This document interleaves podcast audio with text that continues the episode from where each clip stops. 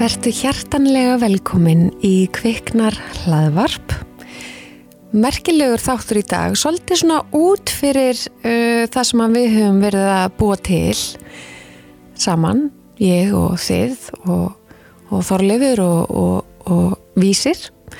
Uh, en samt snýrað fólki í barnagnaferli vegna sem við ætlum að tala um stöðu flótafólks á Íslandi og og hvernig við getum já, lagt okkar að mörgum að passa upp á fólk sem að fættist ekki hér og hefur í engin hús að venda.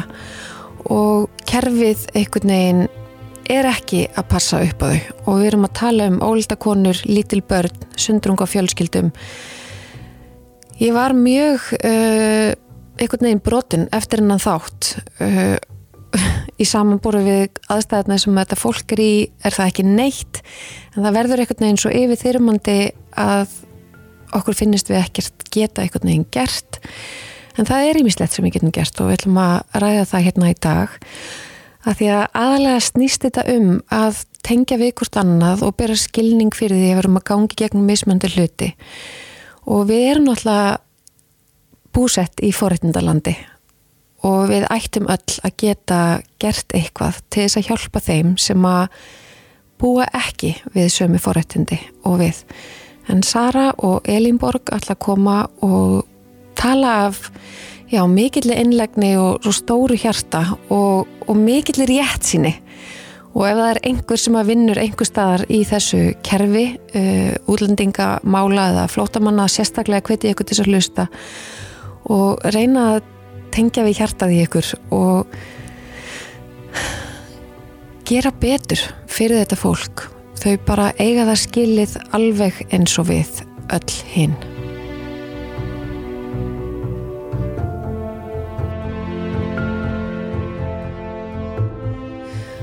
Ok, Elinborg og Sara takk fyrir að koma í dag.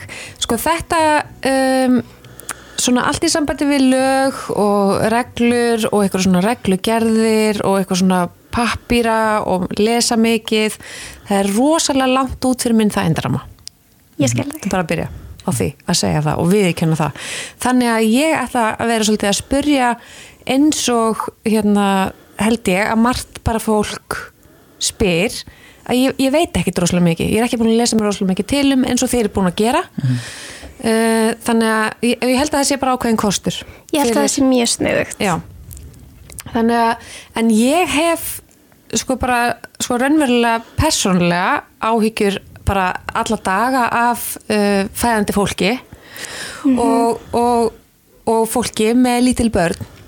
Og þess vegna langaði mig mjög mikið að fá ykkur hinga vegna þess að um,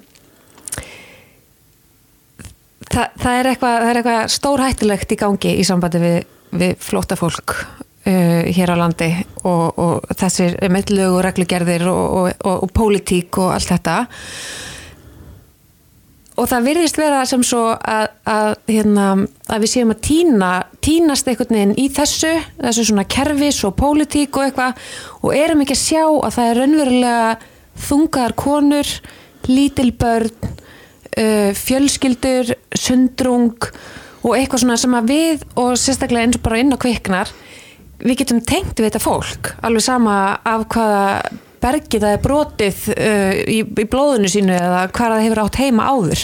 Heldur betur. Já, að, að, þú veist, förum, þú veist útskýriðans fyrir mér, er bara er raunverulega fólk með lítil börn og sem að vona börnum og með börn á skólaaldri uh, í vandræðum með að fá að eiga heima þetta? Hérna?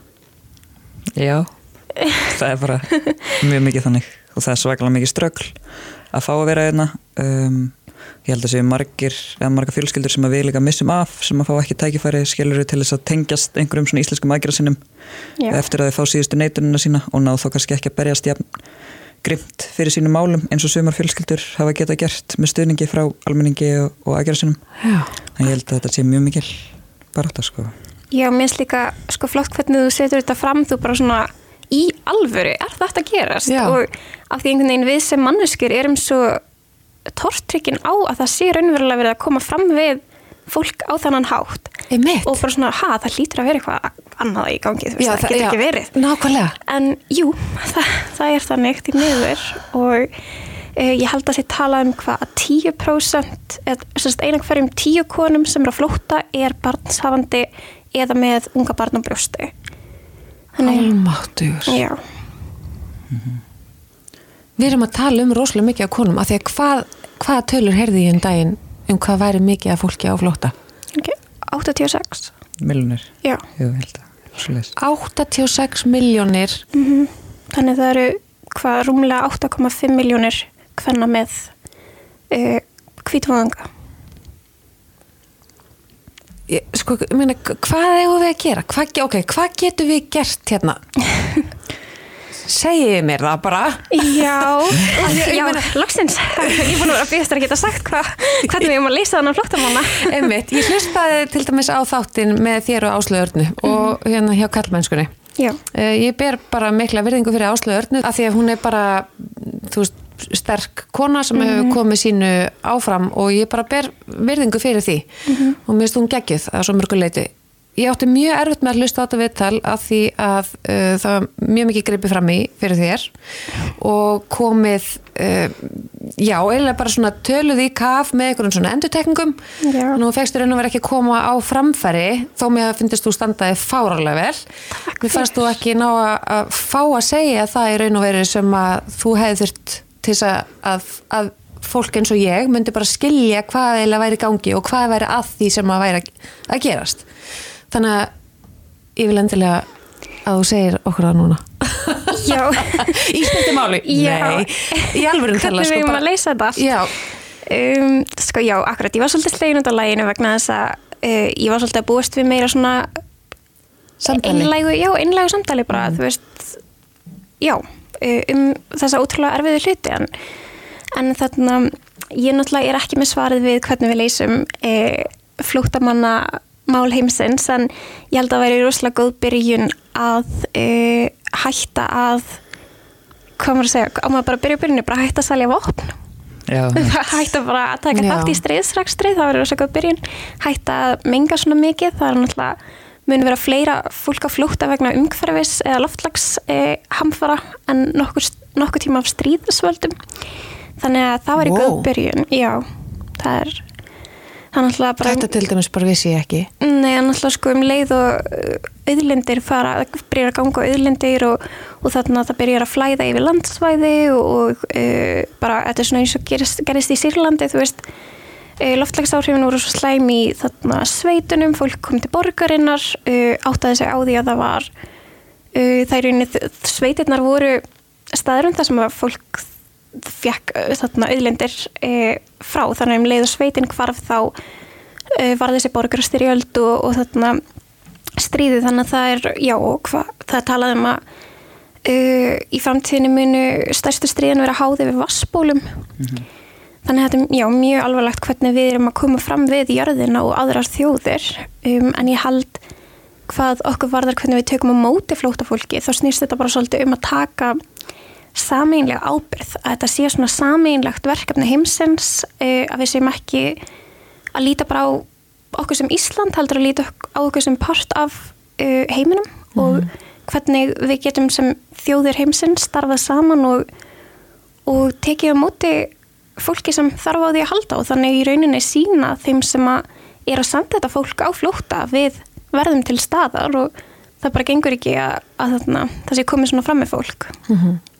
Þannig að Já, Þú kannski- Nei, ég er bara sammála, þetta er náttúrulega bara eitthvað svona uh, til þess að geta breytt þessu og hvernig við komum fram við flótta fólk, hvernig er komið fram við fólk á flótta, mm -hmm. alls þar í Evropu og líka í bandaríkjunum og örgli Kanada líka um, Ástralíu, öllum þessum vesturinn löndum þar sem eru mikil forréttindi um, það ásir allt rætur í uh, svona kúnakerfum sem að uh, er eiginlega bara svona grundvöldur vestræðna samfélaga.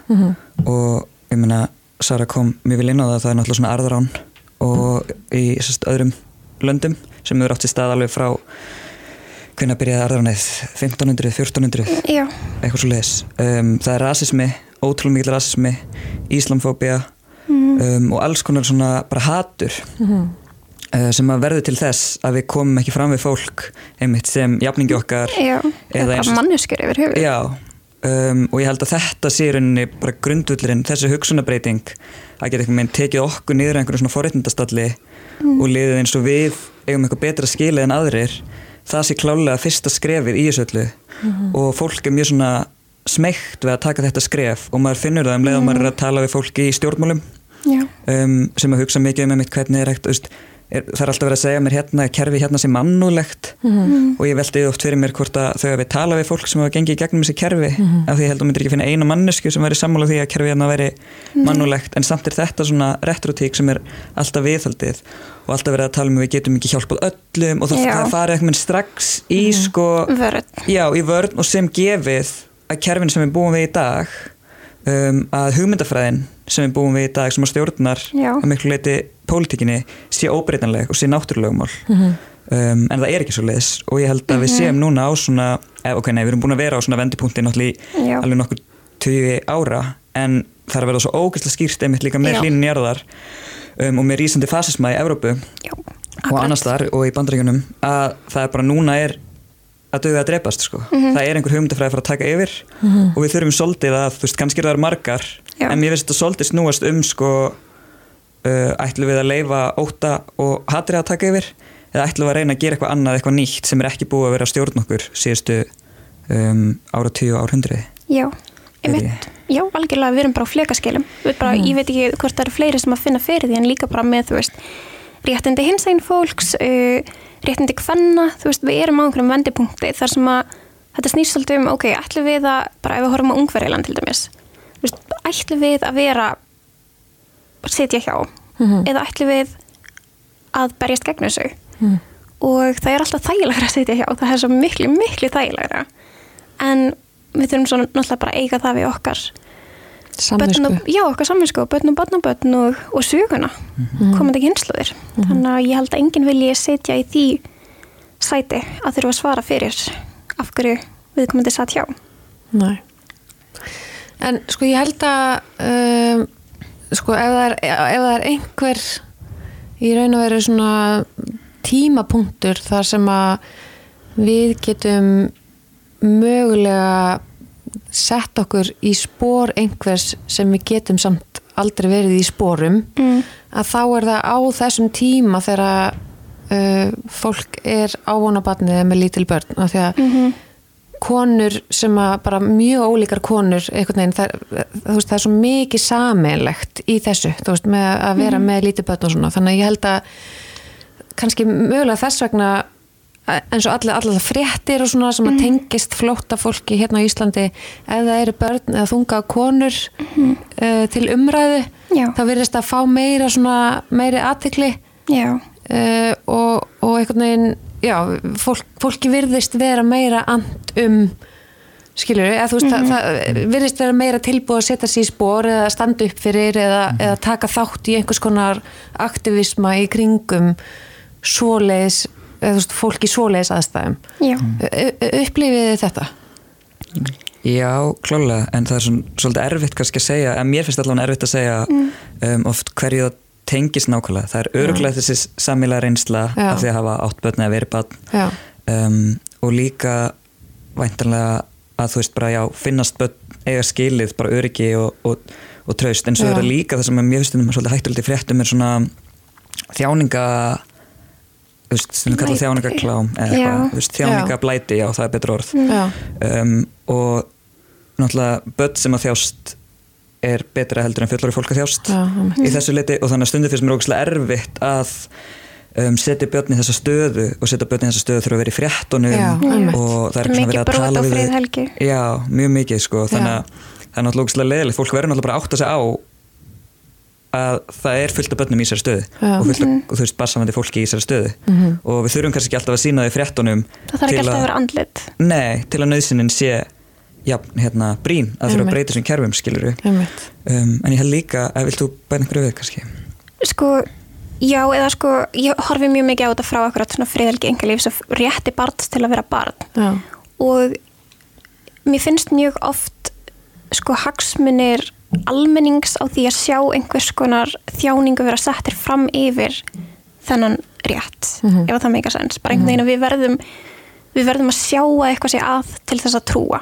Veist, í staðin fyrir bara að trúa því að, að fólk sem hefur lagt í þetta eða hrakist í þetta ferðalag er alltaf að fara að hafa er alltaf að fara að vera með hræðilega reynslu. Við þurfum ekki að vita nákvæmlega hvað gerðist. Við þurfum ekki að heyra af nöðgunum eða mannsali eða, eða pyntingum eða upplifunum. Þú veist við eigum bara að trúa. Já, ég get aldrei náttúrulega lesið. Um leið og ég veit að það er eitthvað sem snýr að einhvers konar þú veist, nau- nau- nauðgun eða eitthvað svona dómum í sambandi við eitthvað svona Já, þetta er mjög Eh, tryggrandi.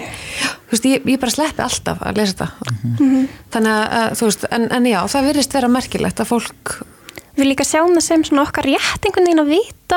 nákvæmlega, eða þú veist, að ég veit ekki mér finnst þetta að vera svolítið svona e, e, þú veist, er, er, er kannski eitthvað svona vandamál í þjóðfélaginu að við höldum að þetta fólk sé að segja ósatt? Já, það er rosa mikið í orðræðinni bara Já, að fólk sé að ljúa því að þarna, það vil endi einhverju og þú veist, það getur ekki sínt fram á eitthvað og já, þetta var einmitt það sem ég ætlaði að segja sko, að það er einhver svona, náttúrulega erum ótrúlega mikið alls konar fordómum gagvart fólki á flóta og eitt stærsti, eitt stærsta er einmitt þessi lega þú veist, um, að þau séu að ljúa og þau séu Já. ekki að koma uh, hreint fram og maður tekur bæði eftir hjá stofnunum Já. útlendingastofnun og kærunemnd Já, sem að þó að sönnabyrðin held ég að liggja hjá þeim, þú nú þekkir þú það kannski betur það er búið að þingja sonnunabyrði mjög mikið þá, já, þá samt þú veist, þeim er ald, fólk er aldrei trúað. Það er alltaf tekið eins og þessu að ljúa finnst mér. Já, þú veist að meina, já, sonnunabyrðin ánáttúrulega að vera hjá stjórnvöldum. Já, áttu að vera- stjórnvöldum. Þannig að borgarinn á alltaf að njóta vafans En en það er ekki hjá- gert í þessum máluflokki Nei, nákvæmlega.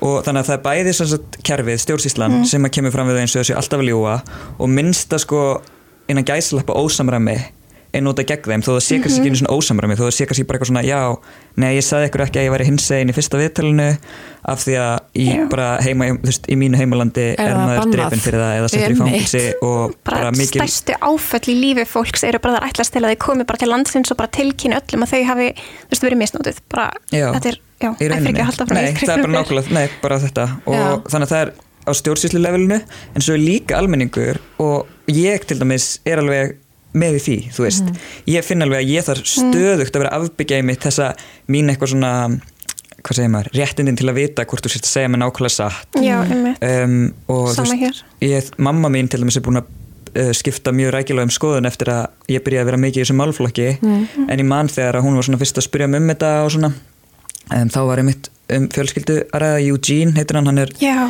þryggjabarna faðir sem var tekinn frá fjölskyldunum sinni og um, bróttist það til Nýgri hann verið ekki séð börnin sín í fjögur ár núna held ég um, og börnin hans og konans um, eða basmaður þau búa hérna í Íslandi um, og mammin var svona hann hlýtur að hafa gert eitthvað Já. hann hlýtur að koma eitthvað upp og getur ekki verið að það er, að er gera þetta bara svona af, af því bara Mhm.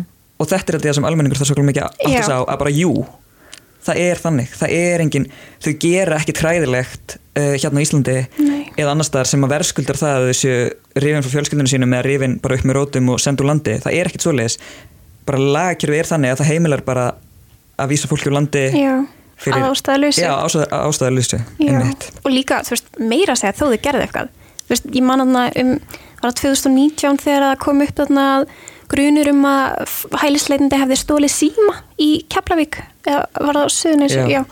Og, þarna, og það var bara allt brjála, það var bara, þú veist, heimildarleis húsleit og allir bara, þú veist, já, við erum með nóg að glæpa mönnum á Íslandi og, og, og ég hugsaði bara, sko, við erum að tala um fólk sem hefur lent í svo miklum mörgum áföllum og bara þú veist að það síni einhvers konar hegðun sem er óvennilega og ég veit ekki, ég man ekki eins og hvort að kom upp að þú veist, símanum hefði verið stólið, þetta var eitthvað byll sko. Uh, en bara jafnvel þá að fólk komi hingað og frem í klæpi þú veist, það er ekki ástæða fyrir því að neyta þeim um einhvers konar aðstöða mannréttindi, þú veist ef að fólk er glæpamenn, þá bara setjum við í fangils á Íslandi, viljum við frekar senda þau til þú veist, fangilsins í heimalandi þar sem þau verða pyntið og myrt, þú veist, þetta er bara svona þetta er fáralegt, þú veist, ef að fólk kemur hinga þá á það bara að vera partur af samfélaginu og lúta sömu reglum og allir aðrir. Hvort sem það er, þú veist, þá ekki að já, En er það kannski uh, svona vand, eða, veist, einn af vandanum við, við allt þetta, svona þessa kerfi, þetta kerfi og þetta ofnbæra koma að þessu og allt þetta, að það er síðan engin að hjálpa þessu fólki að aðlast í samfélaginu. klálega Það er kannski stóra, Ég veit, sko, það er ekki það að sé ekki verið að hjálpa því, það er það að það er virt verið að koma í vekk fyrir það Já, já. og minnst það vera mjög mikilvægt einmitt. það er búið núna að opna sér skóladeild fyrir börnaflóta sem er náttúrulega bara aðgreiningastefna Já. og þetta er eitthvað svona sem að uh, borgarstjórn Reykjavíkur sem er vinstri sinnuð Já. samþykti og sett í gegn. Þau tala um þetta sé eitthvað svona auðveldað um lífið eða þú veist Já, svona eitthvað ge- þegar þau tala ekki íslensku Já, eða eitthvað svona, en þetta er bara þú veist, það sýnir sig bara og við höfum séð það því við þekkjum svo persónulega margar fjölskyldur að því öfluri tengsl sem þú ert með við íslenska fjölskyldur og fjölskyldur sem eiga tengslanett og rætur á Íslandi um, í því sterkari stöðu ert þú að berjast gegn þessu kerfi og að fá dvalulefi hér.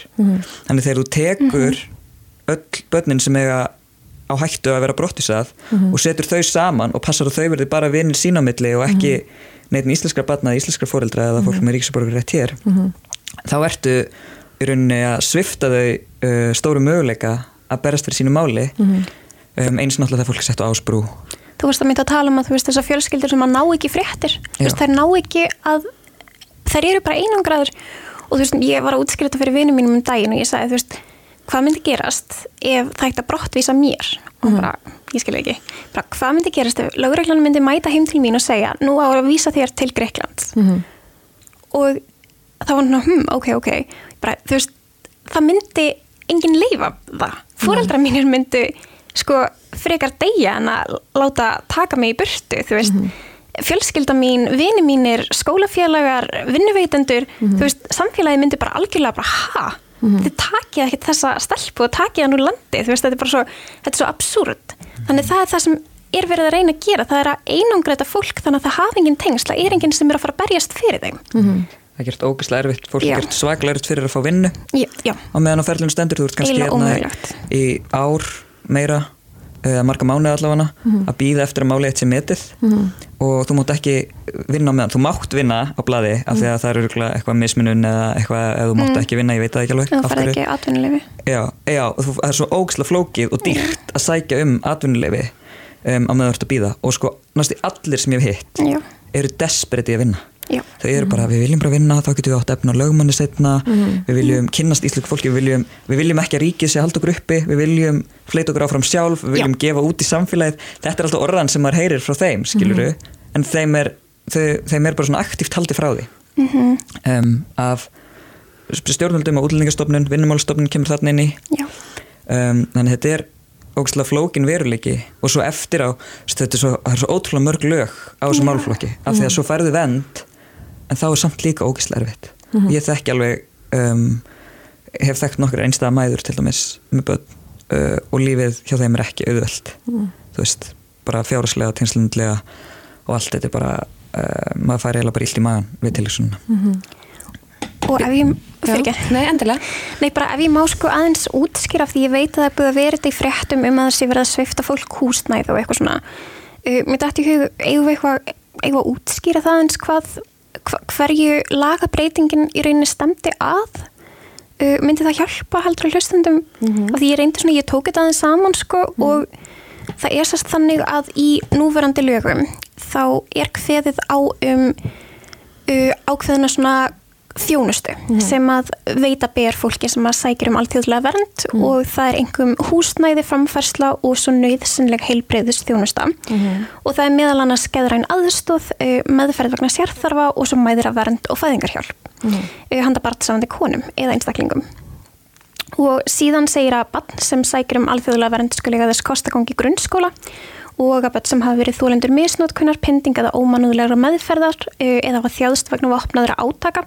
Þau skulle hafa aðgang að viðegandi þjónustu samkvæmt barnaverndarlögum og hið sama til dæmis við um þólendur kynbundins ofbeldis. En svo var í þeim lögum sem e, dómsmálar á þeirra lagði fram núna í annað skipti en þau verða ekki lögum núna en bara þetta ákveði hefur verið í frumarpinu núna í að minnstu kosti tvö ár þannig að það er ekki ólíklegt að verði lagt fram aftur og þess vegna finnst mér mikilvægt að halda áfram að tala um það þó það líki fyrir að, að lögin gangi ekki í gegn núna. Og með þessari einu setningu í frumarpinu eh, var sem sagt hveðið svo á að útlendingastofnun hafi leifi til að skerða eða fella niður þessa þjónustu. Eh, þegar komist hefur verið að framkvæmdar hæfri ákverðun uh, og með því átt við að stjórnvöld hafi komist að niðurstöðu um brottvísun. Uh, reyndin er hins vegar svo að tímabilið frá ákvarðunatöku Mhm. og fram að eiginlegri endursendingu getur skipt mánuðum og jafnvel árum. Þannig að í raun og veru að það er búið, það, er búið ákveða og að brottvísa er Já. Tíminn frá þar og þanga til að því er axjóli síðan brottvísa getur verið ykkur mánuðir og á þessum tíma er hægt að fella niður alla þjónustu. Já. Þannig að þú endar bara með heimilislaust fólk. Já, mér er það sko gerðan af ástæðum sem er, já, og gerðan af ástæðum sem er ekki umsækjendunum að kenna, þú veist, bara algjörlega óviðkomandi til að þau skorti ferðagögn eða eins og er í þessu tilfella viðkomuríki neytar að veita þeim móttöku í Já, þú veist, það fengust engin svör frá stóðdeldinni Greiklandum hvort þau ætlaði að taka á móti fólki. Já. þannig það var í rauninni ekkert hægt að endursenda þau annað þess að þau væri bara í einhverju hræðilegu millibils ástandi og óvissu. Uh, þannig að ástandið getur í rauninni verið svo alvarlegt að flóttafólk neyðist til að halda keri fyrir án þess að hafa aðgangað neyðslegri aðstóð en má á sama tíma ekki vinna fyrir sér vegna regluna um atvinni réttindi útlendinga.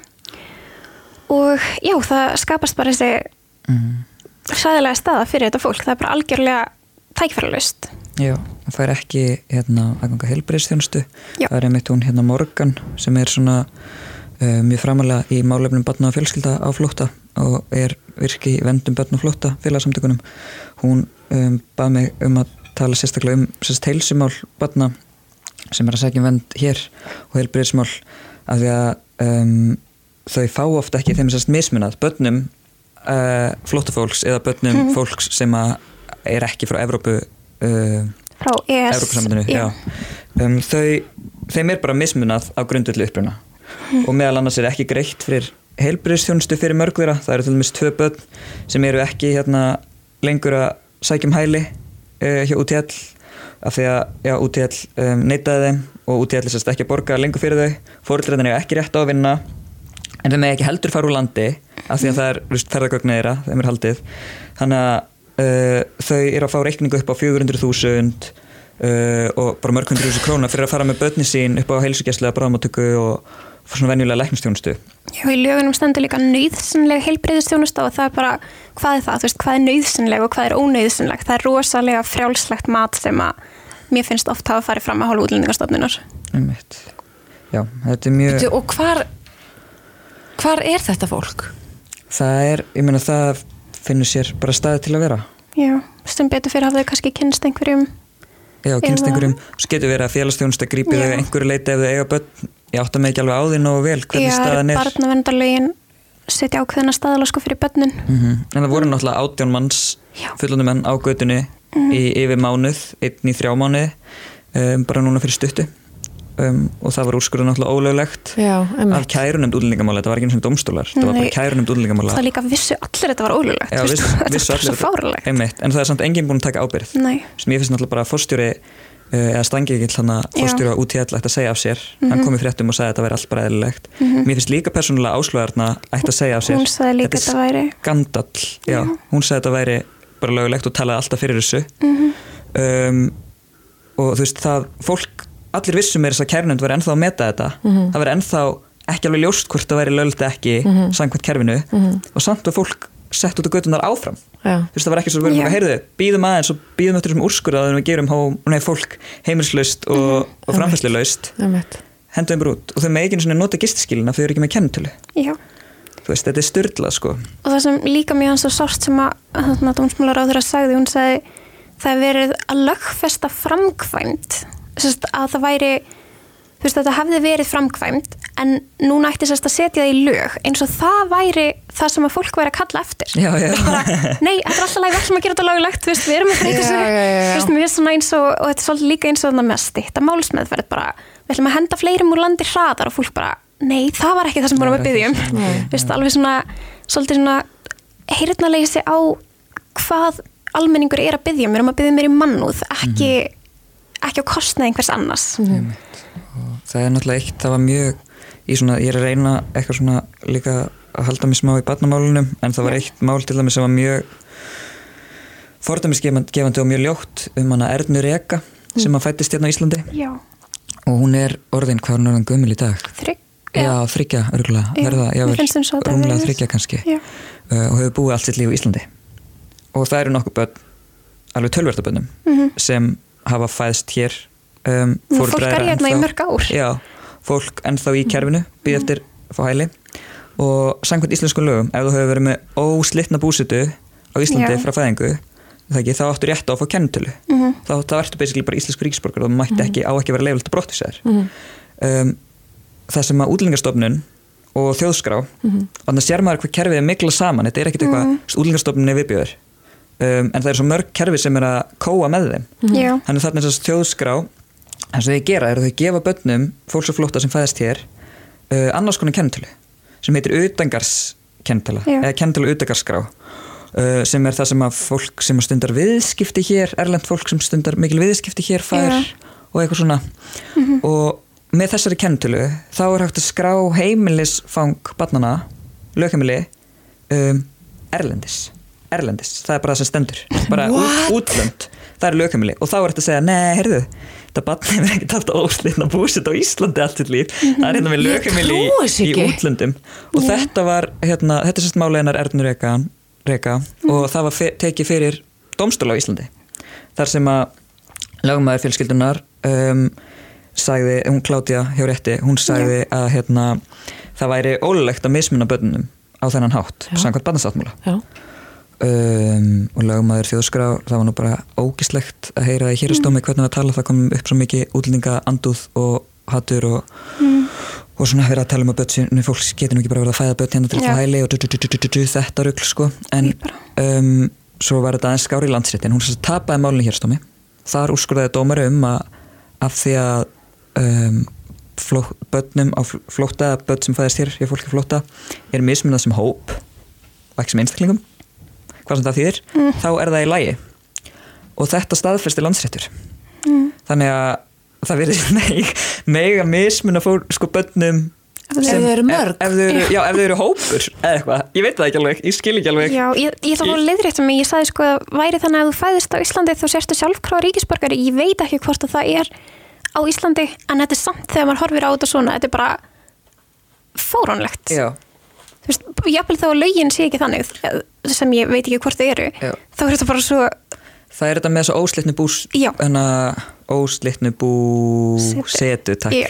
sem er í lögunum og svo sveigjaði fram hjá því með þessu kennitölubraski um, bara þryggjara barn kennitölubraski, pæli í þessu. já, sem býr í útlandum Já. en býr samt á Íslandi. Um, Er Nei, ég bara, ég, sko þetta skil ég náttúrulega bara ekki. Og þetta er svo flókið hver, já, hver, hver, hver bara til dæmis getur svara fyrir svona? Þú veist, ég meina ef það er búið, þetta er búið að fara gegnum dómskerfi að, þú veist, af hverju er þetta ekki Einmitt. Það sko, og það var ótrúlega erfitt. Fjölmjölar voru svona aðeins að fjalla um þetta og svona. Já. en af því þetta er bæði finnst fólk þetta ótrúlegt og örulega þá er þetta svolítið flókið veist, ég þurfti alveg hérna hvað, fjóra, fjóra mínútur eitthvað til að útskýra þú veist, stöðuna. Og heimurinn er einhvern veginn þannig í dag að Já, ef við fáum ekki bara upplýsingar bara tjúk, tjúk, tjúk, þá einhvern veginn meðtökum við það ekki. En mér líður þess að þetta hafi bara svolítið farið fram hjá fólki og fólk Mhm. áttast ekki á að þetta sé að gerast um, þó þetta hafi farið í gegnum tvö domsteg og, og einmitt, fólk er ekki kallað til ábyrða Nei, þetta er svo, já, útlendingastofnun er ekki kallað til ábyrðar uh, dómsmálaráður er ekki kall- kölluð til ábyrðar það er engin, fórstisráður er ekki kölluð til ábyrðar það er engin hérna, kallaður til ábyrðar Já. eins með hana hérna ég ætla nú ekki að nafngreinina því hún var aldrei nafngreind í fjölmjölum minni mig en albanska konun Já. sem var komin nýmána á leið 36 vikur rúmlega Já. og fyrsta barnina hafði verið fyrirburi. Hún var send brott, henni var brottjúsað þvert á ráðleggingar hérna um, fæðingadildarinnar af því að það var einhver læknir Kai Blöndal um, sem að sagðist hafa skoðað hana, lungnalæknir og var búin að gefa svona fit to fly vottorð. Hún hafði ekki séð hana, hún hafði ekki hitt hana innan þeirra 72 sólringa sem að maður verður að hafa hitt hana. Þetta vottorð verður gefið út, það er nýbúið að úrskurða embætti landlæknis, að búið að úrskurða að hún Kai Blöndal læknir gerist brotileg um, í fjórum í alvarlegum liðum eða gagvart þessari konu sem var brottjusað og um, engin ekkert. Býtu, ok, hver hefur fengið þennan lækni? Að því stundum líður mér eins og það sé mafía á Íslandi. Útlendingastofnun, þetta er, hún var starfandi sem læknir útlendingastofnunar. Þannig að hún hitti ekki konuna sagði hún væri fit to fly, hún er ekki eins og fæðingarlæknir. Já, og það er til dæmis eitt brotið að hún, hún hefði átt að vísinni til fæðingarlæknis. Og í rauninni fórum hérna aðgerða sinnar fórum með hana þegar að lauruglan var sérst að koma. Já. og kom í rauninni, þá fórum við með hana upp á fæðingadeild um, til að fá mat. Og lauruglan beigð fyrir utan í bílnum með ljósin kveikt. Bara og um, fengum þetta mat. Vorum með það bara á pappir svart kvítu að vera ekki mælt með að hún færi flug það getur einstina hættulegt. Um, við síndum stóðildinu þetta lauruglunni um, og þar, þar voru líka fulltrúar frá mannrendastofu minnum mig mm. og barnavend sem að uh, hva, hafa eftirlit með einum gerðsalappa uh, Barninu sjálfu? Já, eða svo mm. brott, framkvæmt brottvísunar mm. og þær voru þannig líka, það voru tvær konur minnum mig og lauruglumennir og það verið að sína þeim hérna er vottorð, bara klukkutíma gamlt vottorð, fæðingadeild ekki brottvísinni, bara það er hættulegt fyrir henni mm. við erum með fyrt og flævottorð, drullegur í burtu og þau bara tekinu út í bíl hún, litla barnið hennar sem var þryggjára minnum mig, tveikja þryggjára maðurinn hennar og hér ófæta barn og þau sendi flugvel, þetta var næstu í sólaringsferðaleg í mm. flugi. Uh, rúmlega það til Albani og hún er þar en þá í dag og hefur ekki fengið neinar bætur og þjáist mjög af afleggingum alls þessa. Sem betur fyrir gekkfæðingin vel á endanum í Albani en uh, hennar tráma og, og það sem hún hefur þurft að díla við eftir þetta er bara mjög raunverulegt og alvarlegt. Og það er verið að sækja bætur fyrir hennar núna en mér finnst ekki nóga að sé bara sóttar einhverja bætur mm, þú veist það þarf einhverja að taka ábyrð á þessu. Og svona hlutir eru bara að gerast trekk í trekk. Og samt En byrju, gæti hún farið til Albani? Hvað hva er, hva, í hvað stöðu er þessi fjölskylda þar? Bara mjög vondri stöðu. Við lefum við mjög miklu fátækt. Um, þá náttúrulega komið jarðskjaldar svo bara eitthvað beint eftir á. Ógslæð miklu jarðskjaldar eftir henni var mm. brottisað um, Ég, sko ég, þú veist ég, ég veldi fyrir mér, þú veist, hvað getur við bara einhvern veginn svona sem vennilegt fólk sem hlustendur mm. sem bara, þú veist, foreldrar sem eru að hlusta í einhvern veginn, í þessu, sem eru í þessum heimi sjálf bara með börn og horfir á þú veist, börnin sín og þau eru öll örug og mm. við höfum allt nóg af öllu, skilur, það er til nóg af öllu Já. hvað getur við gert? Mæta á mútmæli Já, kynnast fólki. Kynnast fólki, um, tala En hvað kynnist við þessu fólki? Það er hægt að vera sjálfbæri í rauðakrossunum mm -hmm. það er hægt að uh, hvernig er hægt að kynnast fólki?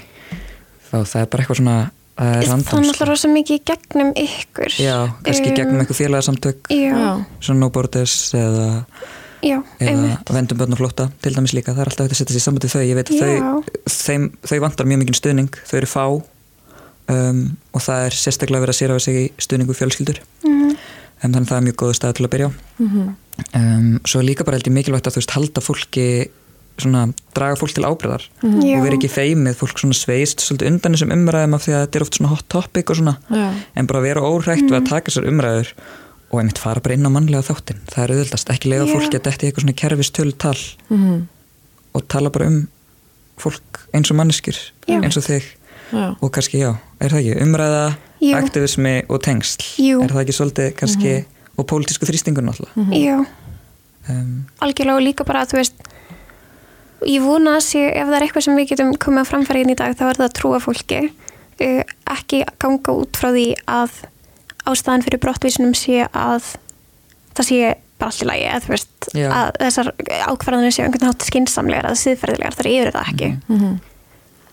Já, er það kannski ekki bara málið að við erum svolítið svona uh, að, við höfum það ágætt, skilju, mm. og við erum með alls konar náttúrulega líka svona innan gæslappa okkar baróttum mál, mm. veist, innan hverjar fjölskyldu, veist, það er alls konar þú veist, vandamál í lífin okkar, þannig að við sjáum einhvern veginn þetta sem eitthvað svona sem við getum ekkert gert í eða, yeah. þú veist, er eitthvað svona fjarlægt okkur mm -hmm. Þetta er svo réttindalus hópur Já. Og akkurat bara með þessari lagabreitingu, þú veist það, ég bara ætla að fá að vitna til sko fjöldamargra umsagna við frumarpið þar sem fram koma þessi þjónusta sem ég var að tala um áðan tals til grundvallar mannréttinda fólks. Já, þú veist hvort sem það er samkvæmt eh, stjórnarskrá eða, eða mannréttinda sáttmála Evrópu eða fleiri alþjóðasamninga, barnasáttmálanum, já. já, sérstaklega að tryggja byrja öllum einstaklingum innan lagsögu Íslands þessi réttindi og þegar þessi réttindi er ekki lengur tryggð heldur háð einhverju gethótt ákverðin stjórnvalds þá er bara brotið gegn þessum lögum og sérstaklega í tilfelli þeirra sem hafa fengið eh, neitum, neitun um dvalarleifi og Svo má nefna að uh, lögmannstofan réttur bent á að það geti skeða að þarna einstaklingar búi hreinlega við sko ómanúðlega eða vannverðandi meðferð í skilningi sem sagt þriðjugreinar mannreitindasáttmálan sem er í rauninni já eitt alvarlegasta brot sem við, brot sem við getum gerst brotleg við mm. það er mjög alvarlegt af því að við séum bara ekki að uppfylla grunnþarfur og svo hættulegt að við séum í alverðinu komin á þann stað að við erum tilbúin að vera í samfélagi þar sem að sko við erum með ákveðin hópa fólki sem nýtur ekki sumur réttind á hinnir mm -hmm. að þetta sé bara svona hópur sem býr fyrir utan kerfið og mér finnst það bara svo skeri tilhugsun, bara svona líðræðislega og stjórnskipilega og mannréttindarlega bara að við gætum, það gæti mögulega orðið raunveruleikin. Já, að það er og við lítum svolítið á þessar stjórnmálumenn mm -hmm. við erum einhvern veginn bara heima hjá okkur og með okkar mál og vandamál og ekki og Já. svo erum við bara, þessi stjórnmálumenn hljóta að vita Já. hvað sé einhvern veginn og við bara treystum þeim til þess að, veist, að, að vera rétt sín og, og, og mm -hmm. góð við fólk skilju, en það, það, það virðist ekki vera þannig Nei, og líka bara félagslegi vandin sem getur skapast af því að hafa fólk á gutunni er svo markvallt, ég menn það er ekki eins og þetta sé að spara mikla fjármunni vegna þess að þannig þegar svo ótrúlega háskilir þig fyrir því að fá einhvers konar uh, þú veist þetta er ekki að fara að minga útgjöld ríkisins einhvers svona hlutfalslega uh, eins og þjóðkirkjan bendi á. Og þannig í rauninni þá eru vandamálinn sem að skapast þau eru að fara þau verða, það borgar sig aldrei Nei. fyrir okkur. Nei. Þannig að Yfirleitt er svona það sem að um hvað segir maður, sinnir mestri mannúð eða er mannúlegast, það er yfirleitt líka það sem borgars best, Já. það er bara sínt sér allstaðar mm -hmm. um, sem er áhugavert en þetta snýst ekki um það Mér finnst of peningar vera svona fyrirsláttur mhm. en eins og ég segi, við verðum alltaf að hafa augun á stærri myndinni Já. á hugumdafræðinni sem er að knúa þessu orðræði og ekki bara orðræði heldur aðgerðir mm -hmm. áfram Já. og við verðum á sama tíma að vera með orðræði sem að beita sér gegn því og aðgerðir mm -hmm. Sem beita sér gegn þessum hatsfullu aðgerðum. Þannig raun að veru þú veist, að, að við bara horfum bara á þetta fólk, bara eins og þetta er bara fólk eins og við, mm -hmm. alveg sama hvar það er fætt eða þú veist, ég er náttúrulega veist, skilða ekki sjálf af því að, að því að mér finnst bara einhvern veginn fólk vera fólk, en, mm -hmm. en það er náttúrulega fordómar í samfélaginu okkar mm -hmm. og við heyrum þetta náttúrulega þú veist, í miður, þó, þú veist, ég, ég trúi að þetta sé minni hluta hópur á Íslandi sem að tala um að sko hjálpa innan gæsalappa okkar fólki áðurnum fyrir að hjálpa öðru fólki mm -hmm. þú veist, þetta er náttúrulega bara smekkað af fordómum um, þú veist, við erum mm -hmm. náttúrulega bara all fólk Já. en kannski þetta líka þú veist, vandamál einhvern veginn að við náum ekki að Mm -hmm. þú veist, tengja við þetta fólk sem bara fólk heldur bara eitthvað svona fólk sem ætti raun og verið heim eitthvað annar staðar eins og að skipta einhverju máli ef við höldum Íslandi ég veit ekki, reynu fyrir Íslandinga þú veist, Já, það er svo, það er svo styrli hugmynd sko, af því að mm. það er einmitt það sem við ættum ekki að vilja Já.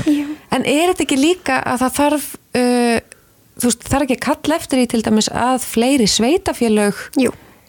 geri þú veist, geri sér tilbúin til þess að taka á móti þessu fólki til þess að það geti flutt út í bæina og verið í skóla og fengi vinnu og allt svona Jú, örgulega, það er eitthvað svona sem að ég hef ekki hérna... Því hefur með áslæður að segja sko, það væri bara þrjú sveitafíla á landinu já. sem að tækju við Ríkið fólki í aðlunarferli. Já, það er svona svolítið sko að íta ábyrðin yfir á sveitafíla eins og við erum bara ríkistjórnin, við getum ekki gert neitt en þetta... Það bera ábyrð saman. Já, já. og ríkistjórnin setja lög og hún veitir fjármunni, þannig að það er svona...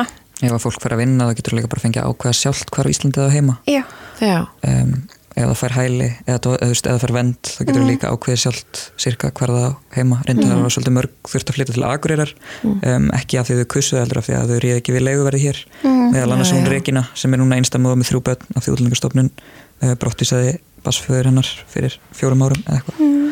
og neytar að, að hérna, neytar að leifunum að koma aftur landsins nema þau borgi um, kostnaðin af brottvísunans sem eru tværmilunir þau eru samt búin að viðkynna að þetta voru mistök en þau, hann þarf samt að greiða kostnæðina eigin brottisun sem eru rúma 2 miljónir En er búið að viðkjanna að brottisunum sé mistök, okkur færði það ekki að koma aftur? Af því að hann þarf fyrst að greiða þessar 2 miljónir og það, það er búið að sapna peningnum og uh, hann vill ekki og hann sagt, vill fá tryggingu fyrir útlengarstofnun að ef þau borgir peningin þá fá hann að koma aftur og fá að vend hjá bönnunum sínum. Um, að þetta er mikið ferðalega hann er bara einhvers þar að fjöla sig í nýgri sko. og um, þau vilja ekki sagt, leifunum að þau vilja ekki gefa neina svona neitt skriflegt eða neitt um að ef að þessi peningur er greittur þá, þú veist, fáur vend hér og þá segir hann bara það er ekki séns að við sem er farið að gefa þessari stofnun 2 miljónir fyrir að hafa brottið sem mér og ég fáum ekkert enga tryggingu í staðan mm. þannig að þetta er svona smá pattstaða núna um, sem þau eru bara að vinni með sínum lögmanni Já, líka annað í tengslum við þetta sko svifta fólk grundvallar réttindi, það er hættan á sundrung fjölskyldna á Íslandi.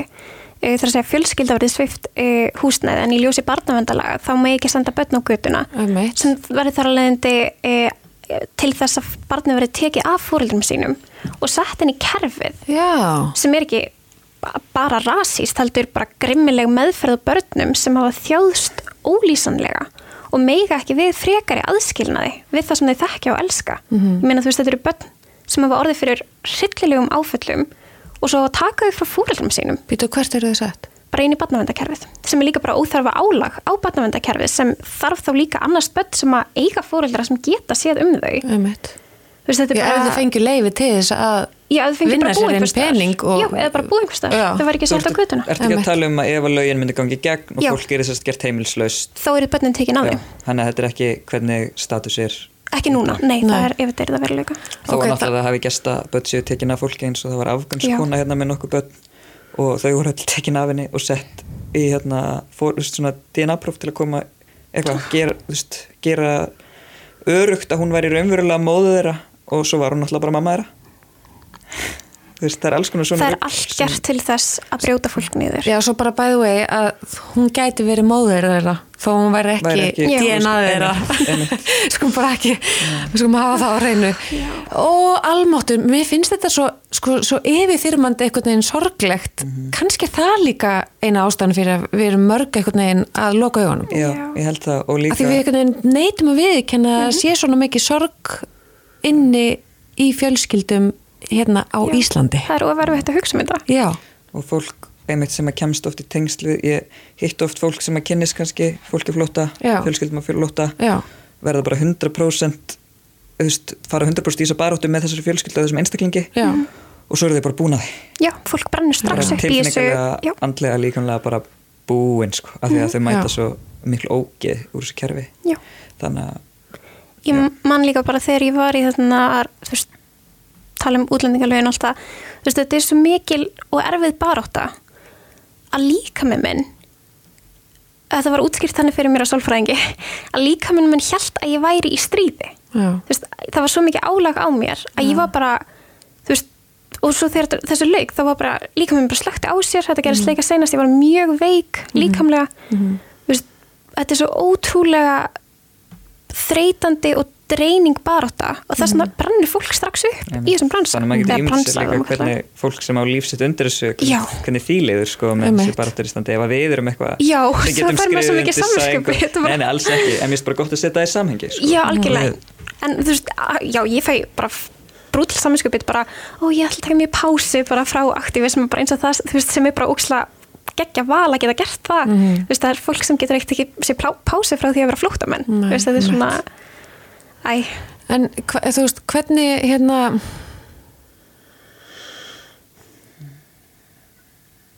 Ég verði eitthvað svo ótrúlega já, ertu ekki alveg þreytt bara að hlusta þetta? Ég, er bara, bara sorgmætt bara einhvern veginn þú veist, bara með, með broti hjarta þú veist, að- því að, já þó ég hafi alltaf að einhverju leiti svona fylst með að þá þá samt einhvern veginn, já, það er svo bara já, við erum bara svolítið þar að við dílum einhvern veginn bara við hlutina eins og við mögulega getum og svo bara treystum við einhvern veginn á fólk eins og ykkur að, að standa í þessu einhvern veginn fyrir okkur. En ég meina, er útlendingastofnun uh, eru, eru þeir að fela svo bakvið að séu bara framfykja lögum já, Já, nema þau gera rosa mikið, þau er rosalega mikið af því sem að þau gera er bara stjórnsýslu framkvæmt, þú veist, sem er ekki, Sem er eins og bara lögum, þetta að setja þannig að fólk á svona götuna. tólka lög eru þeir í raun og vera að tólka lög svona eftir sínum hag? Já, og þeirra hagur virðist vera að vísa sem flestum úr landi. Já. það er bara staðrind og það er meira þess að fyrirverandi fórstjóri útlendingastofnunar hefur komið fram Já. í viðtali það er bilað sko. og sagt þetta. Hann sagði hvað sem var að þarna, byrtingamynd ílskunar já, byrtingum og ílskunar þetta er sko maður sem að kallar ekki allt ömmu sína. Veist, Nei, hann og er sem að alveg- gera líka fólk heimilislust á sínum tíma Já. og annars líkt sko. Byrju, kallaði hann útlendingarstofnun sem að ég hann man var ekki fórstjóri hvernig hann orðið þetta nákvæmlega en ég held, ég er svona 80% sem Ég meina, var hann sérst að meina að, að það sem hann var að vinna fyrir hafi Já. verið. Já, og var, þetta bara Þannig er hann með sem að- samvinskupið í dag, sérst. Mér sýnist, mér sýnist það á þessu uh, viðtali já ég held en- reyndar að hann sé ráðuneytistjórn Já, já, já, ok. Þetta var eitthvað svona veikinda kannski. merki, en nei. Væ- Væri ekki bara ótrúlega gott, þú veist, til dæmis ef að bara einhver starfsmæður hjá útlendingarstofnun og bara dómsmálur aðhóra eitthvað svona uh, myndi veist, hitta þetta fólk bjóða þeim heimdi sín. Þú veist, hvernig, hvernig látu við hvernig látu við þetta fólk tengja við þetta fólk og hlusta sögurna þeirra? Þannig að þau takið í alvarlega að við þurfum að búa til lög sem að bara verja grundvallar mannréttindi þessa flóta fólks. Ég Já, ég, ég þekki persónulega tvær manneskjur sem hafa hætt að vinna sem, ég veit ekki hvað maður að segja, verktakar eða þú veist, hafa verið búið sér fram til þeim sem hjúkurnafræðingur þannig að taka við fólki sem útlendingarstofnun vísar til þeirra Já. og hafa bara hætt, bara af því að þú veist þau vildu ekki vera þáttakendur í því hvernig útlendingarstofnun kom fram við þessa einstaklinga Já. og ég held að sé svolítið þannig að bara allar þessar manneskjur sem að vilja gera gott rekast í burtu og eftir stendur fólki sem að er ég veit ekki, ég ætla ekki að segja sama en svona Já, það líður allavega eins og þau geti, ég held sko það sem að rekuleika Já. fólk frá er að þú veist, eins og mér myndi aldrei líða eins og ég geti á einhvern nátt að mér tekið þátt í því Já. að ákveða eða ekki ákveða hvort einhver er rétt á að vera hérna Já. þegar maður er bara ósámála þessari heldar framkvæmt um, fer maður aldrei inn í þessi batteri skil Nei, þú þarfst að vera ákveðin og, típur sko. og þú veist, þannig ég veit ekki alveg en ég, mitt, ég veit líka um fólk sem hefur byrjað og hætt Já. þannig að ég held að þetta sé bara svolítið þú ferð inn í eitthvað batteri, heldur kannski að þú getur breytt einhverju og annarkvort aðlæða stuði eða þú klessur á veggi og hættir. Já. En fólk er kannski bara orðið þú veist, ónæmt á sásöka ég veit ekki. Og þú veist áslöðarna, ég hef spurt hana sko hvort hún hafi hitt fólk á flótt og tala við það. Og hún sagði já. Það var hann þegar hún var að vísa þig út á götur og ég var að spyrja henni hvort henni þetta það verið lægi fórum í kaffibótilunar, Já. kostningakaffibótilunar Já. og spurðum að því um, og hún sagðist alveg að hafa talað við fólk og það er líka komu þrýr sem voru heimilslösi með okkur og reyndu að tala við hana Já. það allavega verði ekki til þess að hún ákvaða að hleypa þeim aftur inn í húsnæði sko Fólk byrja nýjast upp bara fyrir þessu held ég ég held það Já. Úf, En þetta er náttúrulega þegar maður gengur inn í ákveðna pólitík, þú veist, eins og þú varst að tala um að hann að bera virðingu fyrir áslöðurnu. Personlega uh, ber ég til dæmis ekki virðingu fyrir fólki hvers kynns sem það er, hvort séu konur eða kallar eða hinn transfólk sem að hérna, gengur bara inn í nákvæmlega sömu valdastruktúra og feðraveldið, rasmin, uh, kapitalismin, settu þjóðríkið, settu upp til þess að kúa aðra. Þú veist, þegar að fólk gengst bara við þessum völdum og skilur alla aðra eftir áfram í skýtnum þá finnst mér ekki þú veist, já, það, það er ekki virðingavert að mínum að þið sko Þannig, og mér finnst það svolítið vera það sem er að gerast oft sko, hjá fólki og kyni að þau svona já, halda bara áfram að viðhalda núverandi kerfum. Og ég vil gera það vera og já, vil gera það verra eins og áslög myndi gera með þessum útlengalögum en hvernig uh, stoppum við áslögu? Stoppa allir eh, Ég, í þessu, Já. skilur við, af því að ég held að hún hljóti að, að einhvern veginn að vita í hjartan sín, eða þú veist, mér finnst hún alltaf að tala stert fyrir eins og réttindum kvenna og jafnbrettismálum og alls konar, svo hún er búin að gera alls konar breytingar í gó góðum áttum að því, Já, skilur, þannig ég held að þú veist, ég held að við hljótum að geta einhvern veginn ná til hennar með því að þú veist, ég trú ekki Já. ég trú að það er góða þannig að, þú veist, hvernig getum við fengið áslögu til þess að skipta um skoðan með þetta og þá sem að Ég held að þetta sé bara ótrúlega erfiður málaflokkur til þess að vera yfir og ég er ekkert að draga undan hennar ábyrð, ég meina hún valdi þetta starf eh, en ég held að í rauninni þá þurfum við bara að breyta kerfin algjörlega bara sorry, bara að leggja niður útlendingastofnun mm. færi þetta verið þjóðskrá Mhm. gera þetta, eða þú veist bara breyta kerfin algjörlega og, og þarna, þannig að það sé ekki einhvern veginn já, það er náttúrulega til uppskrift að því hvernig að leggja útlendingastofnun niður sem var gerð þvar, svona þveg þvar, þvarfagleg. þverfagleg þverfagleg skýrsla gerð af ha- fólki í Háskóli Íslands það sem var bara steps to step steps to step hvernig er hægt að færa þessa þjónustu um, einhvert annað en til útlendingastofnun og loka útlendingastofnun mjög náttúrulega ekki gleyma útlendingastofnun Já. fættist beint úr nasisma ég var eitthvað að pæla hvort ég ætti að koma inn á það sko en það er og svona hétt útlendinga eftirlitið og svona, þetta er mm -hmm. löngsa, kannski óþarf við að fara eitthvað í sömnur en persónulega er ég náttúrulega alltaf bara ég er bara ósamlega, mér finnst fólk allir eigi rétt Já. á að ferðast þangur sem þau vilja, að búa þar sem þau vilja Mhm. þetta er bara, Ég trúi bara á frelsi til þess að til. yfir einn lífi, já, vera Já. til.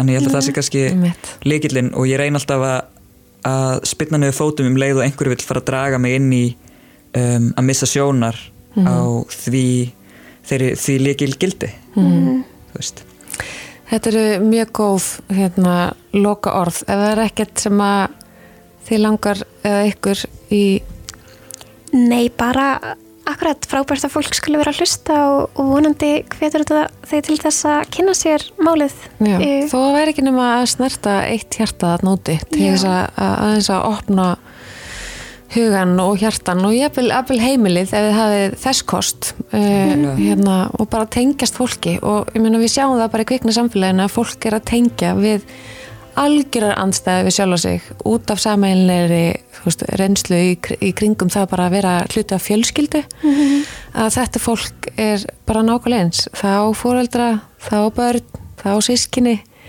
og, og, hérna, og ef við getum tengt við þau bara á þeim fósendum þó við skiljum aldrei uh, hörmungarna sem þau hefa gengið í gegnum þá getum við samt verið til staða fyrir þau sem bara aðrar manneskjur og bara, já, opna hjartað okkar og huga og, og lagt hlýðar allar fordóma. Og ástin það er ástin sem á að einhvern veginn að stjórnöllu ég, ég hef aldrei skilja okkur að það gera það ekki en, en þú veist, við reynum alltaf og við meðum ekki gefast upp. Nei. Takk æðislega Elinborg og Sara fyrir að koma til minn í dag. Takk fyrir Takk að fá okkur.